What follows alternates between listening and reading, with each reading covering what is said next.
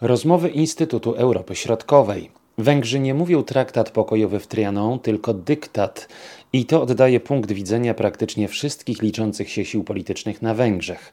Oprócz bardzo dużych strat terytorialnych i ludności, utracono także dostęp do morza i istotne złoża naturalne. Z jednego z ważniejszych państw europejskich w ramach Austro-Węgier, Węgry stały się państwem małym o ograniczonym potencjale. Ta historia ma bardzo duży wpływ na bieżącą politykę państwa i relacje z sąsiadami, szczególnie z Rumunią, Ukrainą czy Słowacją, uważa dr Dominik Hej wynikało w dużej mierze z chęci ukarania tego kraju za pierwszą wojnę światową. To, co jest ciekawe, to to, że po dziś dzień podnosi się kwestie związane z tym, że e, w Saint-Germain, gdzie w 1919 roku uregulowano relacje z Austrią, ten traktat dotyczący Austrii był dużo mniej bolesny aniżeli ten węgierski.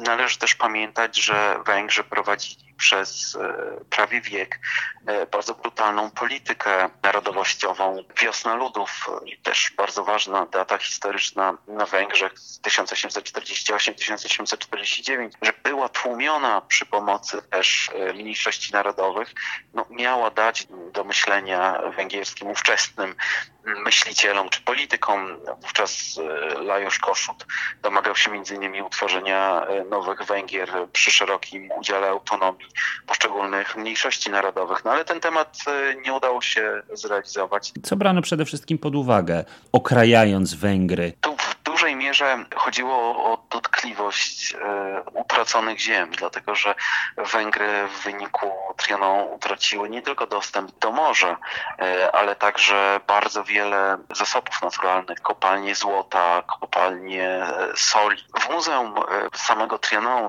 Warpalota pod Budapesztem, to jest około 40 kilometrów, znajdują się takie ogromne tablice, które pokazują, co Węgry straciły. Też jest ciekawe, że, że hasło dotyczące pokojowego dyktatu charakteryzuje wszystkie siły polityczne Węgrzech. Każdy tego używa w zasadzie. To jest o tyle interesujące, że, że z polskiej perspektywy moglibyśmy określić, że jeśli ktoś mówi o pokojowym dyktacie, a nie o traktacie pokojowym, to znaczy, że może być nacjonalistą. Sam czynnik on oczywiście jest w tym celu wykorzystywany.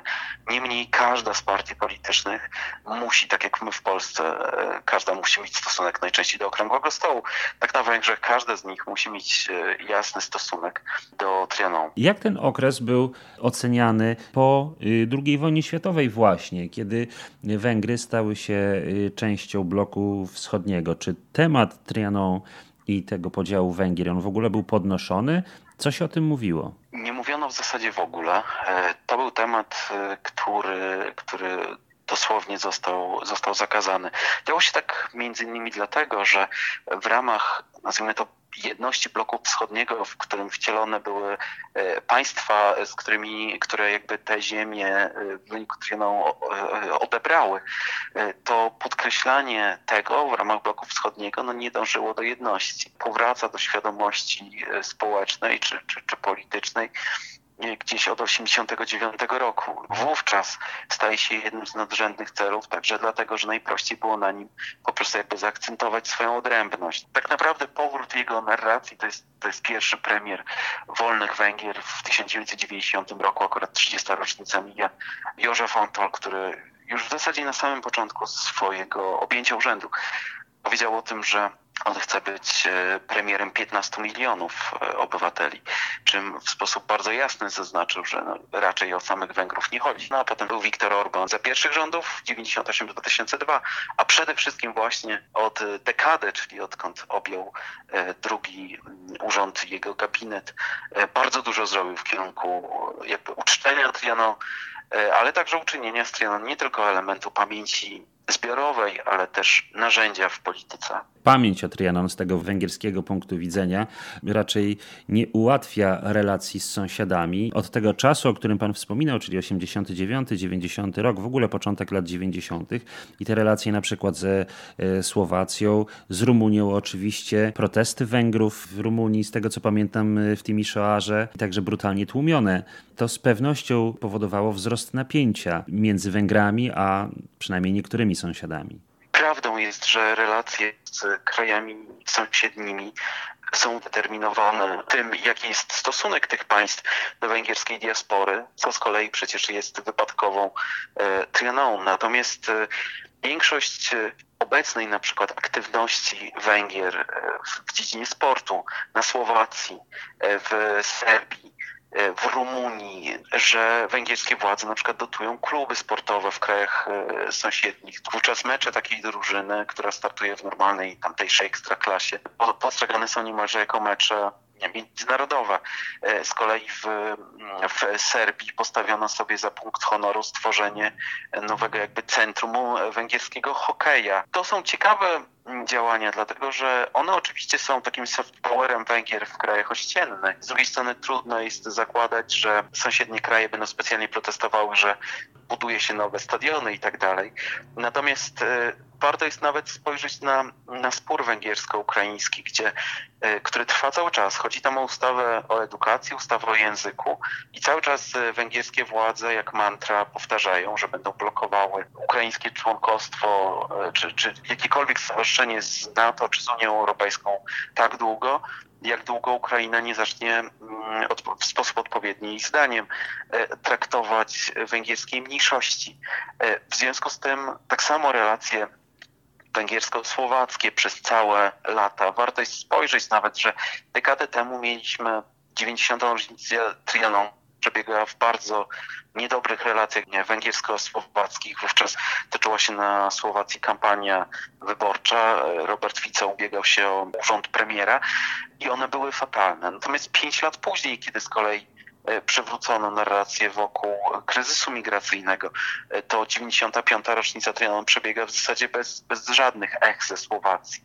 To też jest ciekawe, że w zależności od obecnej agendy politycznej tak ustawia się nie tylko relacje e, z sąsiadami, ale też to, czy mówimy o tym Trianon, czy nie mówimy. No obecnie w kierunku Słowacji nie są wysuwane jakieś uwagi dotyczące choćby tego, że Słowacja wciąż nie respektuje mm, prawa Węgrów przyznanego przez Węgry do tego, tego, żeby posiadano podwójne obywatelstwo, bo na Słowacji można mieć tylko jedno. W jakiejś najbliższej przyszłości możemy się spodziewać jakiegoś zaognienia właśnie relacji z sąsiadami Węgier? To nie jest tak, że, że Węgrzy e, mają resentyment za Trianon czy za byłymi ziemiami w taki sposób, by wyprowadzić czołgi na ulicę. Natomiast to jest sianie stałego nazwijmy to zamętu e, wzdłuż swoich granic. To jest utrzymywanie ciągłych napięć, to jest utrzymywanie takiego stanu niepewności, to jest zaangażowanie bardzo duże Węgier na Bałkanach na przykład, poprzez choćby rynek medialny. To jest wspieranie Serbii w dążeniach do e, członkostwa w Unii Europejskiej poprzez podkreślanie bardzo niesprawiedliwego podziału Jugosławii, który na przykład e, w ogóle nie, nie uwzględniał czynnika etnicznego. To jest solidaryzowanie się z Serbią w kwestii utraconego Kosowa. To są rzeczy, które z polskiej perspektywy są, są ważne, które są takimi małymi, małymi złośliwościami, tak to moglibyśmy znieść, bo, bo trudno jest te zachowania trochę inaczej mm, określać wobec sąsiadów, ale one mają jeden cel, to znaczy my nie zapominamy o, o sąsiadach. Przy okazji koronawirusa Węgrzy udzielali pomocy y, krajom sąsiednim. Nie mówiono o państwach, do których ona się y, została zaadresowana. Mówiono wyłącznie o krainach byłych Węgier. I tak na przykład mowa było o wsparciu Wojwodyny, o wsparciu górnych Węgier, e, czyli o Słowacji, czy o wsparciu Siedmiogrodu, czyli przecież części Rumunii. I to są mm, takie sformułowania czy, czy zamieszczanie w mediach społecznościowych zdjęć byłych ziem Królestwa Węgierskiego, jak na przykład premier Węgier zamieścił przy okazji trzeciej niedzieli Adwentu w ubiegłym roku posiedzenie rządu na tle mapek Wielkich Węgier przed maturami z historii. Taki sam sam akcent się pojawił. Są oczywiście wysyłane e, noty przez poszczególne Ministerstwa Spraw Zagranicznych, które domagają się tego, żeby z tym, mówiąc e, znów enigmatycznie, skończyć. Natomiast sami Węgrzy twierdzą, że to jest tylko ich prawo do pamięci o współrodakach i to też jest bardzo trudny temat do analizy, dlatego że żadnemu państwu nie wolno odbierać prawa do pamięci o swojej historii. Jak widać na tym przykładzie, historia jest istotnym elementem bieżącej polityki państwa i jednocześnie wpływa na stosunek do mniejszości narodowych, co ma szczególne znaczenie w kontekście unijnym. Węgrzy w tych dniach mocno przeżywają swoją klęskę. Zupełnie inna atmosfera panuje na przykład w Rumunii, gdzie świętuje się przyłączenie Siedmiogrodu. Były to rozmowy Instytutu Europy Środkowej. Marcin Superczyński, do usłyszenia.